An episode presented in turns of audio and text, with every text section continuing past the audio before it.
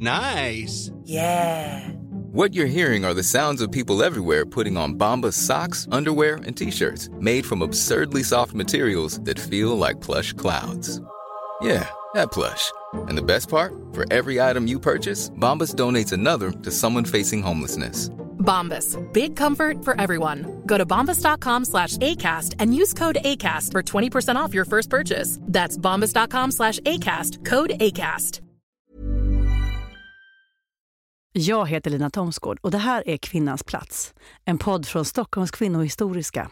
Ett annorlunda museum som inte har någon egen permanent byggnad. Istället gör vi digital verksamhet och dyker upp i er vardag med visningar, vandringar, samtal, dokumentationer och arkivutgrävningar för att göra kvinnors historia till en del av allmänbildningen. Och du som gillar vad du hör och vill att fler kvinnor ska lyftas in i vårt kollektiva minne, du får hemskt gärna stötta vårt arbete. Läs mer om hur du gör det på kvinnohistoriska.se. Stort tack!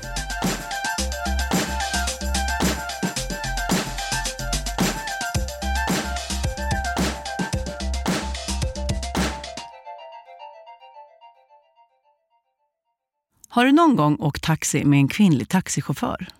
Säkert. Men under ganska lång tid var det faktiskt bara män som fick köra taxi. Det dröjde ända fram till mitten av 50-talet innan Stockholm fick sin första kvinnliga taxichaufför. Taxitöser kallades de för. Tove Leffler berättar mer.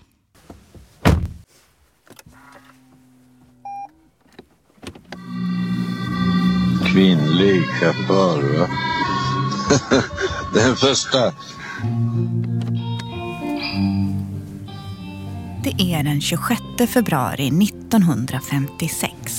På Kungsgatan i Stockholm står Sveriges Radios reporter Bengt Feldreich och intervjuar manliga taxichaufförer. Anledningen är att idag är den första dagen som kvinnor får börja köra taxi i Stockholm. Och då måste man ju höra männens reaktion. Hur tror ni att de kommer att klara det här då? Ja, det får framtiden utvisa. Det fanns redan kvinnliga droskförare som det kallades för på landsbygden. Ofta körde de i sin familjs åkeri. Men nu var det alltså dags för huvudstadens taxibolag att anställa kvinnor. Det nervösaste var första körningen när man, innan man visste om man faktiskt kunde den gatan bland alla och hitta dit. Jo, Bengt Feldreich träffar faktiskt även en av de första kvinnliga taxichaufförerna, Maud Hansson. Och hon får berätta om när hon hade sitt stora slutprov. I tisdags på polisen. Då var det gatuförhör. Och då var det fem herrar och tre utav damerna som var uppe. Och hur gick det? Ja, det gick bra. För oss damer i varje fall. Två herrar klarade sig inte, om man nu vågar säga det så här. Se sådär ja.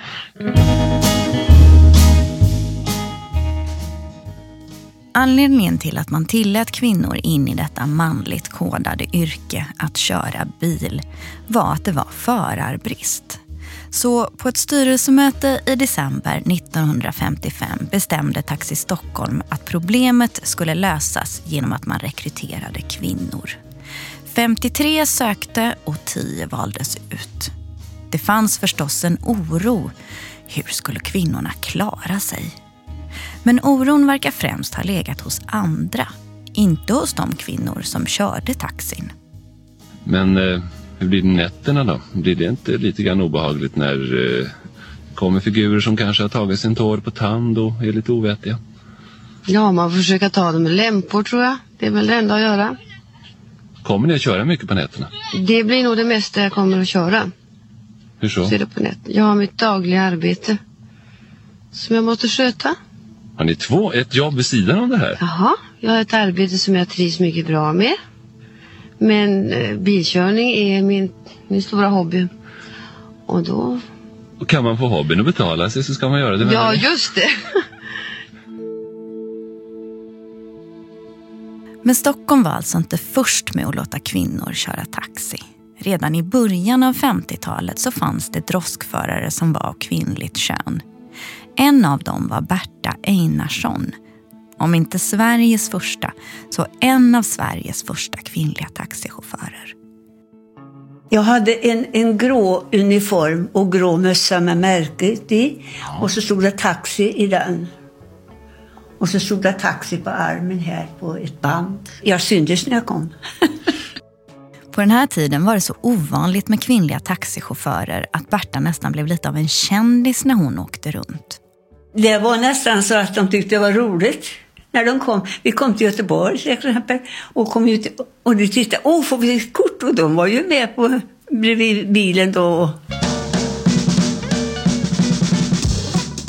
Det spelar ingen roll om jag kom till Göteborg eller om jag kom till Karlstad eller lite längre bort. Så skulle de alltid ha kort, så jag var plåtad överallt.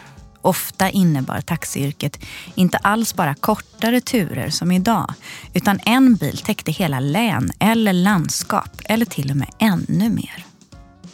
Och jag var ofta som de beställde i förväg om de skulle ut och åka, för det var familjer som åkte till, ut på semester i åtta dagar kanske. Och då beställde de mig, så då var jag med. Men vänta, menar du att du körde en hel familj på semestern? Ja, och den familjen den bodde här i Årjäng. Nu bor de inte här för de är väl borta. De hade tre barn. Och så de själva, vi var fem och jag var den sjätte då. Men vi åkte mycket i Norge.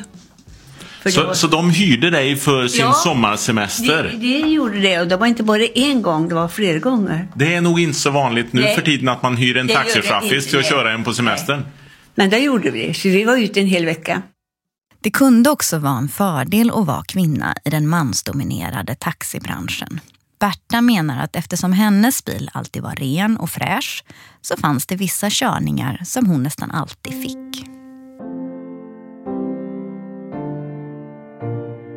Jag var rätt så mycket anlitad till bröllop och till begravningar. Ja. För då la jag alltid ut en matta ifrån bilen och ner. Därför så alltid så beställde de mig i förväg då, för då visste de att bilen var ren. Hej Tove! Hej! jag hann precis bli ledig, jag är på Vallalavägen då. Men det finns ju förstås kvinnliga taxichaufförer även idag. Jag lyckas haffa en av Taxi Stockholms mest erfarna mellan två körningar på Vallhallavägen i Stockholm. Sitter du och kör? Ska du verkligen göra det? Jag ska stanna nu. Jag tänkte, jag var bara tvungen att hitta en plats att stanna på. Det är hopplöst här. Jag vill stanna här då. Rosmarie Månbris har kört taxi till och från ända sedan 1980. För tio år sedan startade hon eget. Hon säger att hon älskar taxiyrket. Men också att det har blivit tuffare och att man måste arbeta mer idag än när hon började. Man måste ju kanske orka med det och vara en viss person. Då, att man gillar kanske den här pulsen och tempot men och att man kan koppla av sen när man kommer hem. Och det blir man ju bättre på ju äldre man blir tycker jag.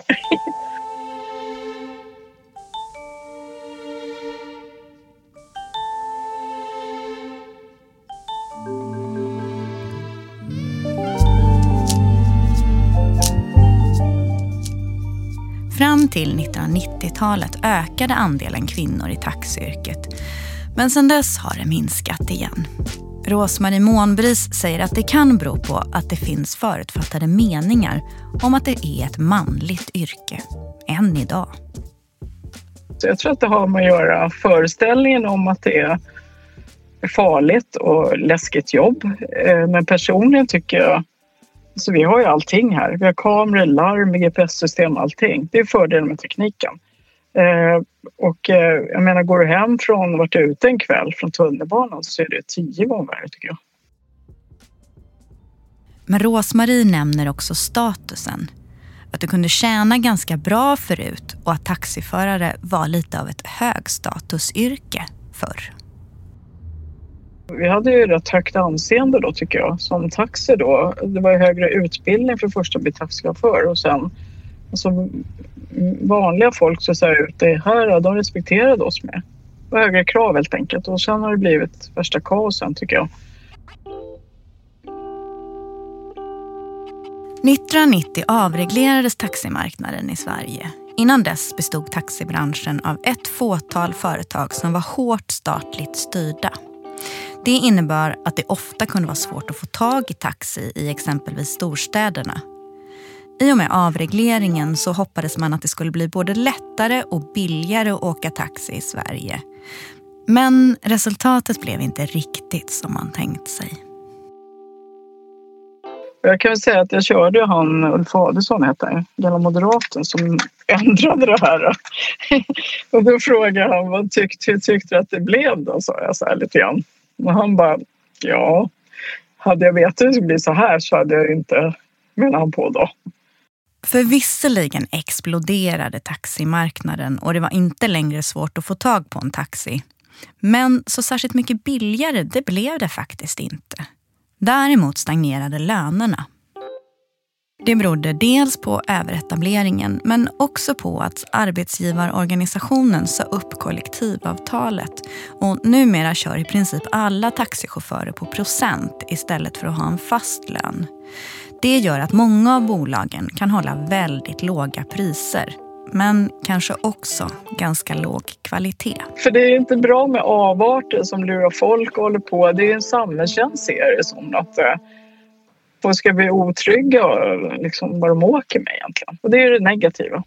Konkurrens är alltid bra tycker jag, så att alla shapar upp sig. Jag ser bara fördelar med det här med upriders och det är här för att stanna. Det här är taxiföraren Katrine Lind som också kör taxi i Stockholm och här intervjuas av P4 Stockholm.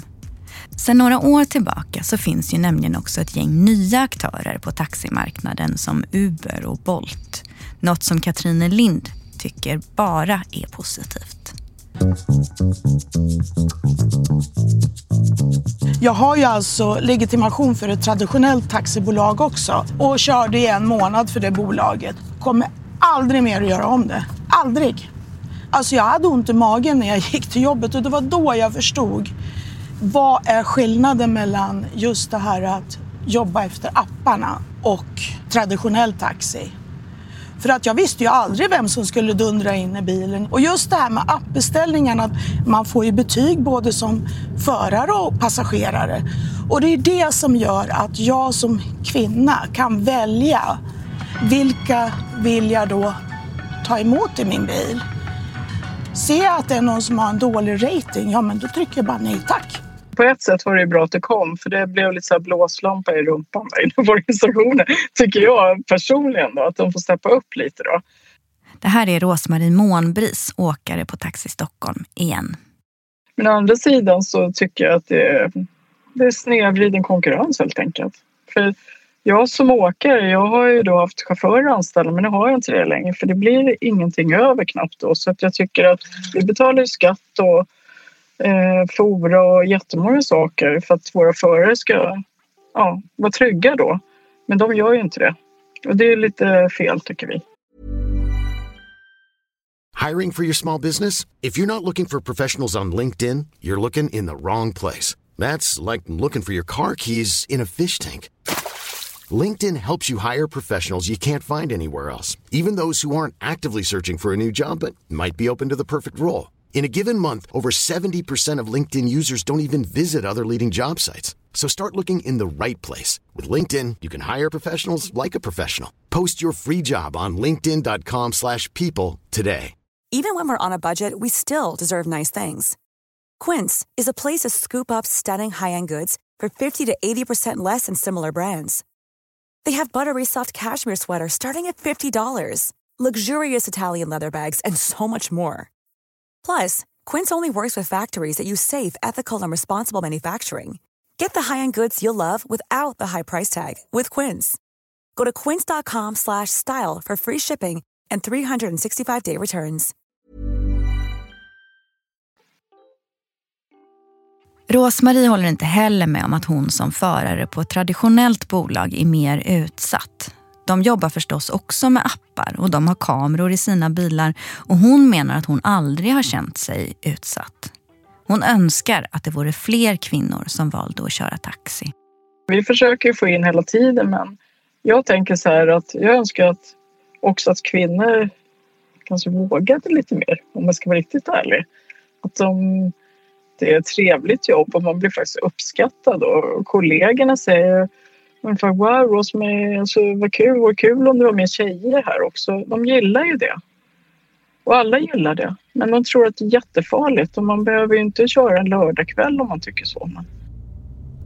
Dessutom säger Rosmarie att man som kvinnlig förare ofta är mer uppskattad. Hon upplever att alla hon kör har en väldig respekt för henne. Särskilt killar och män. Men hon är inte heller rädd för att säga ifrån. Jag kan vara rätt så här, jag har slängt av folk och det också. Jag orkar inte med dem. Det faller dricka i min bil och såna grejer. Och då blir de lite... så jag tänker, man får steppa upp lite helt enkelt. Våga. För jag har sagt så här, vad, vad sa jag till dig? Du får inte dricka i bilen, så Om de fiskar upp någonting. Och liksom, hur blir det? Ska du gå av eller ska du stanna kvar? Bestäm det. Och jag är så där liksom, när jag kommer fram och de står med en Ja, tyvärr, det blir inget drickande här. Alltså, du har en minut på dig, sen åka. Och då bara, det blev så här. Och sen, de gör som jag säger. Det är jätteskönt. Varför jag vill inte ha det så liksom. Och det, för nästa kund kanske, kanske spills här och de tror att jag har druckit och det är massor med såna här grejer. Och jag vill inte, vill inte ha det så helt enkelt. Så de har ju respekt, det har de faktiskt. Och jag vet inte, det beror ju mycket på hur man är själv och sådär. Jag menar, är du trevlig och snäll så är det ett avväpnande då för att någon ska börja bråka med tycker jag. Dessutom blir det allt vanligare att folk faktiskt önskar en kvinnlig förare för att det känns tryggare. Nu innan det hade jag en kvinnlig förarbeställning här faktiskt, en liten tjej som var tio år som jag skjutsade in till hennes mamma här. Och det är det här, jag har försökt jobba fram det här med ett skyddat boende och sådana saker, att det ska vara kvinnlig förare till det. Och just när det gäller barn så brukar både mammor och pappor ringa till kvinnlig förare. För att jag menar, det är ju säkrare överhuvudtaget. Ringer du och beställer en bil eller tar via appen så är det lätt att spåra. Och det är fantastiskt.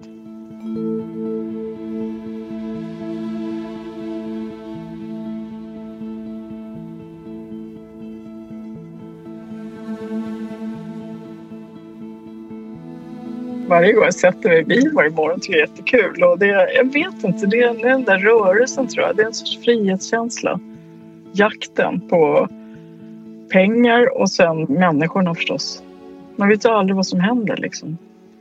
Det är alltid något trevligt som händer varje dag och man har trevliga liksom, samtal med människor. Så här. Det, det blir ju, antingen pratar man ingenting eller så pratar man väldigt mycket. Så här.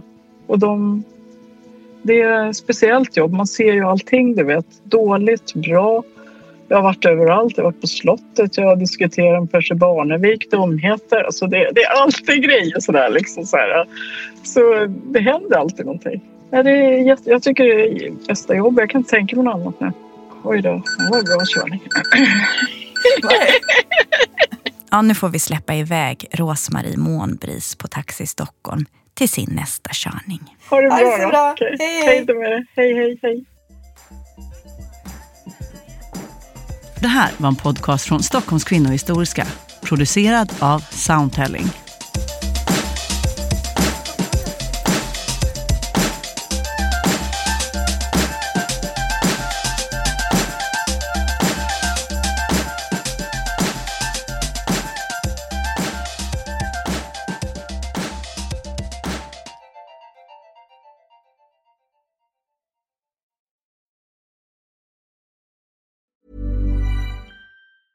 Planning for your next trip?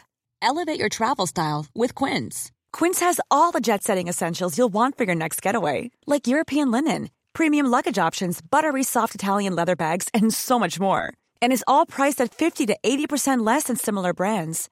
Plus, Quince only works with factories that use safe and ethical manufacturing practices.